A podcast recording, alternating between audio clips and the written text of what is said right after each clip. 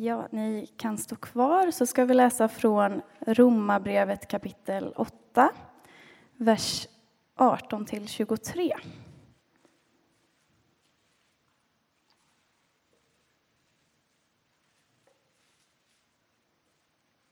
Sidan 108, 808 i de röda biblarna. Jag menar att våra lidanden i denna tid ingenting betyder mot den härlighet som ska uppenbaras och bli vår.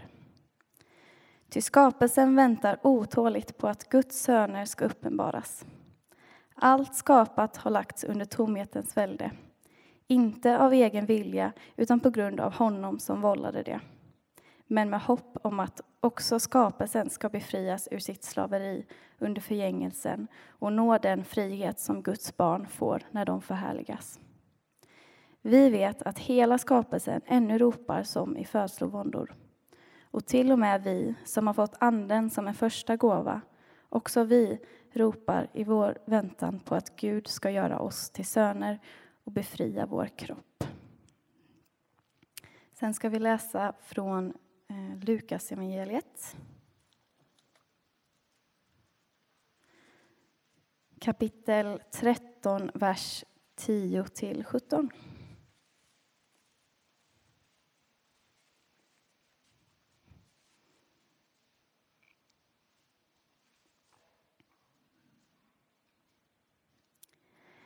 En gång undervisade han i en synagoga på sabbaten. Där fanns en kvinna som hade plågats av en sjukdomsande i 18 år. Hon var krokryggig och kunde inte räta på sig. När Jesus fick se henne kallade han på henne och sa Kvinna, du är fri från din sjukdom. Och så la han händerna på henne. Genast kunde hon räta på sig och hon prisade Gud. Men synagogsföreståndaren, som förargade sig över att Jesus botade på sabbaten, sa till folket Det finns sex dagar då man ska arbeta. På dem kan ni komma och bli botade, men inte under sabbaten. Herren svarade honom Hycklare, finns det någon av er som inte löser sin oxe eller åsna från krubban också på sabbaten och leder ut och vattnar den? Men här är en Abrahams dotter som Satan har hållit bunden i 18 år. Skulle hon inte få lösas från sin boja på sabbaten? Dessa ord kom alla hans motståndare att skämmas, men folket gladde sig över allt det underbara som han gjorde.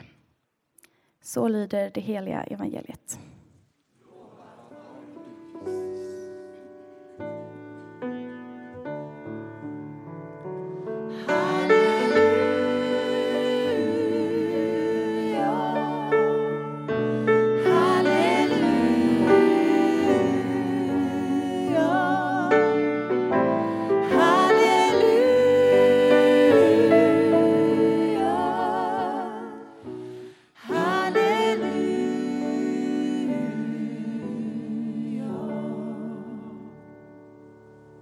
Tack Jesus att du är här med din helige Ande. Tack att vi har fått lyssna till ditt ord, bibeltexten, och vi behöver din hjälp för att förstå och leva ut det. Amen. Varsågod och sitt. Jag tror inte att det går någon miste att om en vecka är det val. Vi översköljs av debatter, opinionsundersökningar, statsministerutfrågningar och analyser hela dagarna. Och i denna hetluft som valtiderna är så fightas ju politikerna om att på något sätt försöka beskriva samhället så nära som vi upplever att samhället är. Och ofta kan det ju bli ganska negativa ordalag och inte sällan slutar det naturligtvis med att om vi får makten så kommer förändring ske. Och det är ju inte så lång egentligen tid som en politiker får vårt förtroende. En mandatperiod på fyra år ska de liksom hinna med att visa att det var värt vårt förtroende. Och det går säkert bra. Om man ska bestämma var man får parkera sina kick, sparkcyklar eller vilken moms vi ska ha på bensinen eller vad det nu kan vara för frågor som det går att fatta ganska snabbt beslut om. Men vad gör vi med frågor och med utmaningar som har mycket längre perspektiv än fyra år? Vad gör vi med vår tids utmaningar som behöver många mandatperioder, decennier, för att komma i rätt riktning? Ja, det är sannerligen inte lätt att vara politiker. Jag kan förstå att fokuset lätt blir på det som är ganska snabbt här och nu. Och den här valperioden så har det varit mycket om energipriserna till vintern, vad som händer på våra gator. Och det är högst viktiga frågor. Alla vill känna att plånboken räcker månaden ut. Alla vill kunna gå till affären och köpa mjölk och känna sig trygg. Men det finns ju också större perspektiv, andra perspektiv, fler perspektiv som har väldigt långa eh, faser eller perioder. Vi behöver be för våra politiker i dessa dagar. Och vi behöver stödja dem verkligen på alla sätt. Och med det sagt så är det ändå någonting i mig som skaver. Att det blir så här korta perspektiv. Att de där längre perspektiven inte riktigt får plats alla gånger. Jag är inte säker på att politikerna har förtroende över att vi som väljare kan lyfta blicken och se en lite större berättelse än en mandatperiod.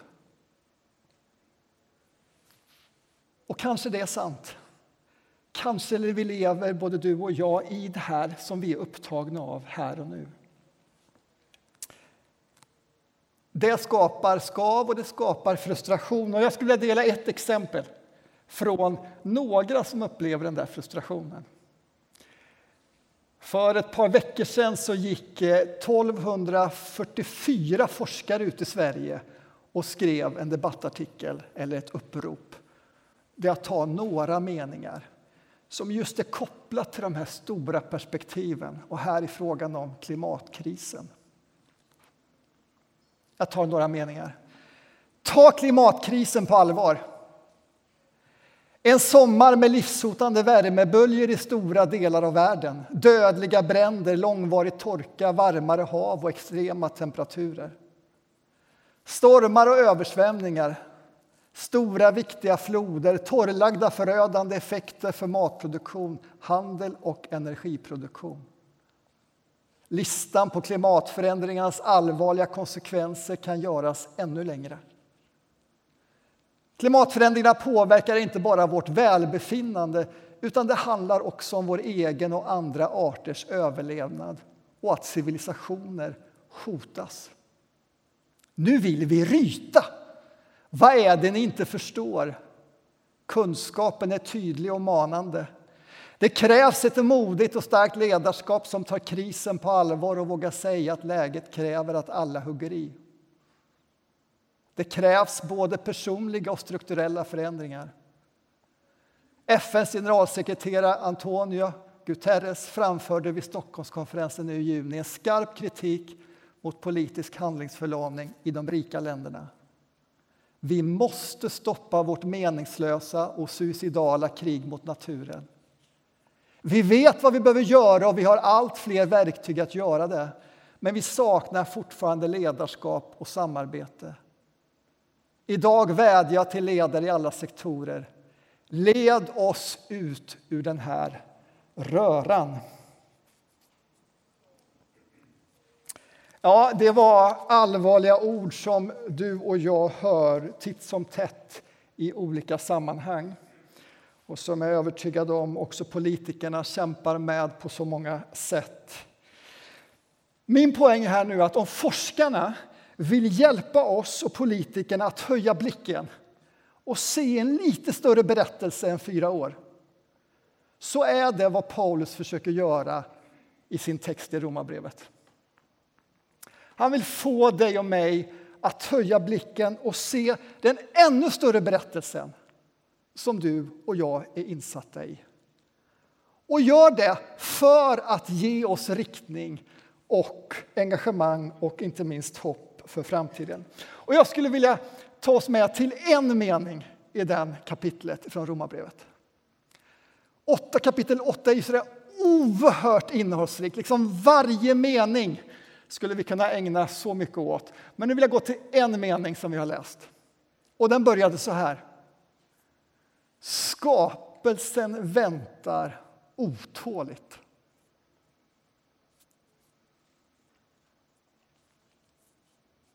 Ja, vi hörde forskare som är absolut otåliga. Och vi har röster i oss omkring oss som är det.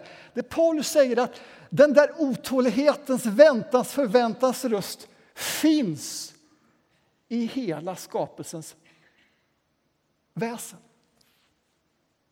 Ett rop, en väntan på vad då? Ja, temat för idag är frihet. Och vi läste texten att den ropar efter frihet.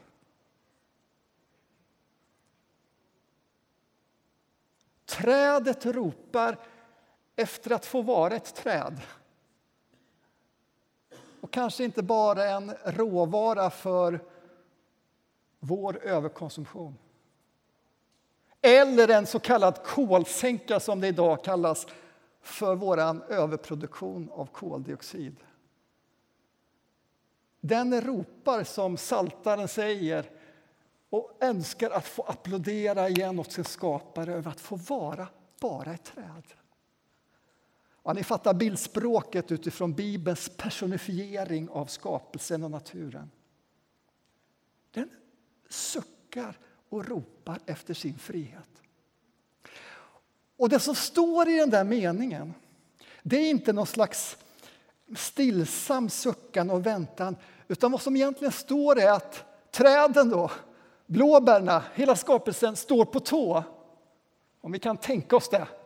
Kan vi tänka oss haven, glaciärerna, djuren, träden, blåbärna, stå på tå och liksom sträcker på huvudet och spanar efter denna frihet.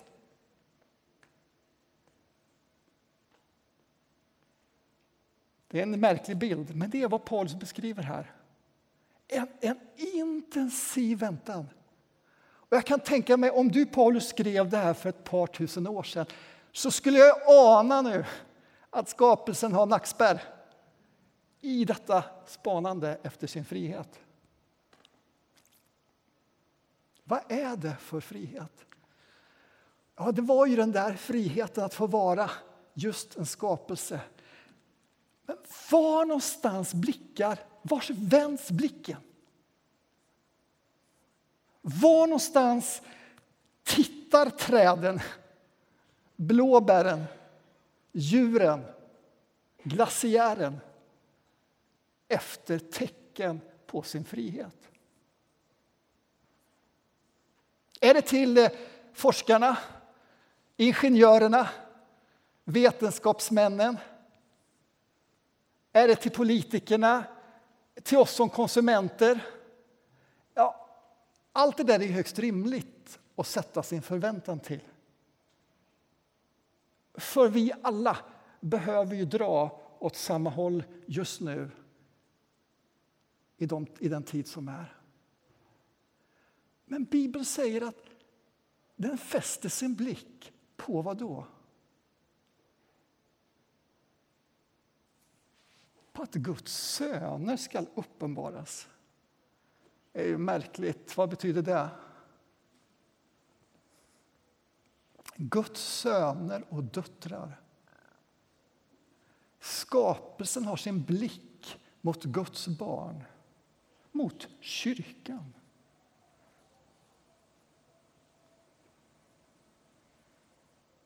Blicken är vänd mot kyrkan. Varför då? Är det för att du och jag har ett extra förväntan på att vår omvändelse och vår omställning ska lyckas? Ja, vi behöver alla vara en del av den. Så är det ju. Men ytterst vilar det inte på våra axlar utan på hans axlar. Men blicken är vänd mot kyrkan, inte för att kyrkan ska lyckas utan för att någonting ska uppenbaras. Vad är det vi som kyrkan ska uppenbara?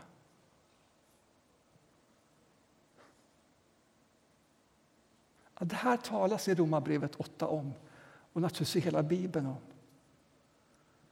Den talar om kyrkan som platsen, som trons gemenskap kring Sonen.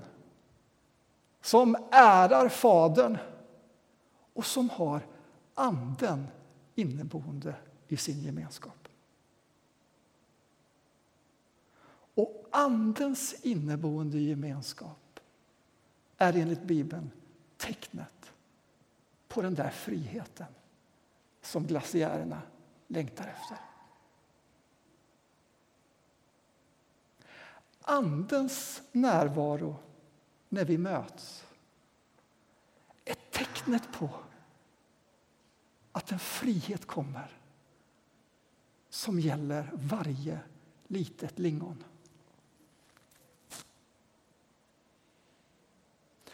Det innebär i sin tur att överallt det vi uppfattar hmm, är det inte anden vi känner av just nu, erfar så är inte det ett tecken på wow, vad andliga vi är. Eller vad härligt att jag fick uppleva någonting, vilket det naturligtvis är. Utan det är någonting så mycket större som just nu en skapelse står på tå på för att se. Om det här är sant så innebär ju det att det som vi kanske ibland kan uppleva som lite inåtvänt kanske till och med är det inte lite världsfrånvänt. Ja, vad kan det vara? Att vi går in dit bort och ber någon lägga handen på oss och få berätta någon knut i våra liv som någon ber för, säger kom heligande och lös den här knuten. Kanske att vi då får erfara en, en förnimmelse av frid, Guds tröst. Kanske till och med kommer en smak av helande, själsligt eller fysiskt.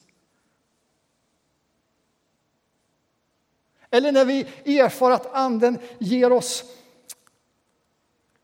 tålamod, självbehärskning. När vi i entrén möter en människa som irriterar oss så, som har gjort oss illa och som vi egentligen bara vill slå till. Eh, Jag förväntar mig inte att du känner så någon gång. Men...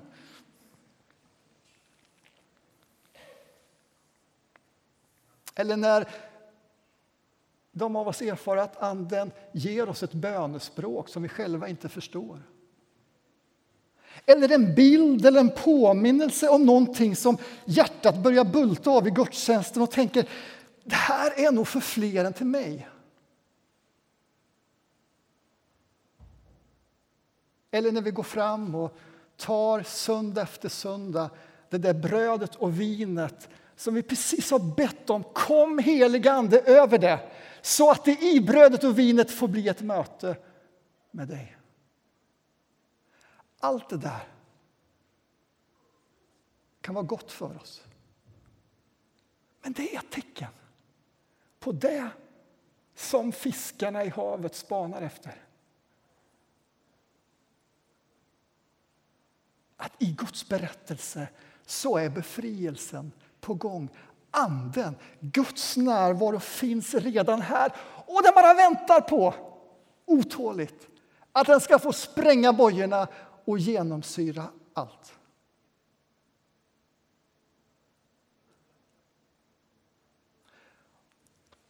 Och kanske att du sitter här nu och tänker att som inte brukar vara med i en kyrka eller gå på en gudstjänst. Kanske att du tänker, men kära Daniel, vilken självbild ni har på er själva. Jag tänker mest på kyrkan som en hycklande gemenskap som splittrar och eh, är sekteristisk och allt vad vi får höra i media. Och det är också sant. Det finns så mycket skräp. Det finns så mycket som vi kämpar med, eller hur? Men det talar inte emot att det också är sant att Anden rör sig ibland oss och finns oss. Inte på grund av vår förträfflighet, men på grund av tron på honom. Och därför skulle jag vilja säga till oss, till dig och mig, till oss som kyrka. Om skapelsen lever i denna otåliga väntan har blicken på kyrkan för att se tecknen på att Gud är och färde. Låt oss då ha blicken på honom, på Kristus. Låt oss se till att vi är förenade med honom med varandra, hans kyrka, med hans engagemang för de utsatta i världen, den utsatta skapelsen, de utsatta människorna. Med, förenad med hans kärlek. Samtidigt som skapelsen mitt i den heta valtiden ropar som i födslovåndor. Amen.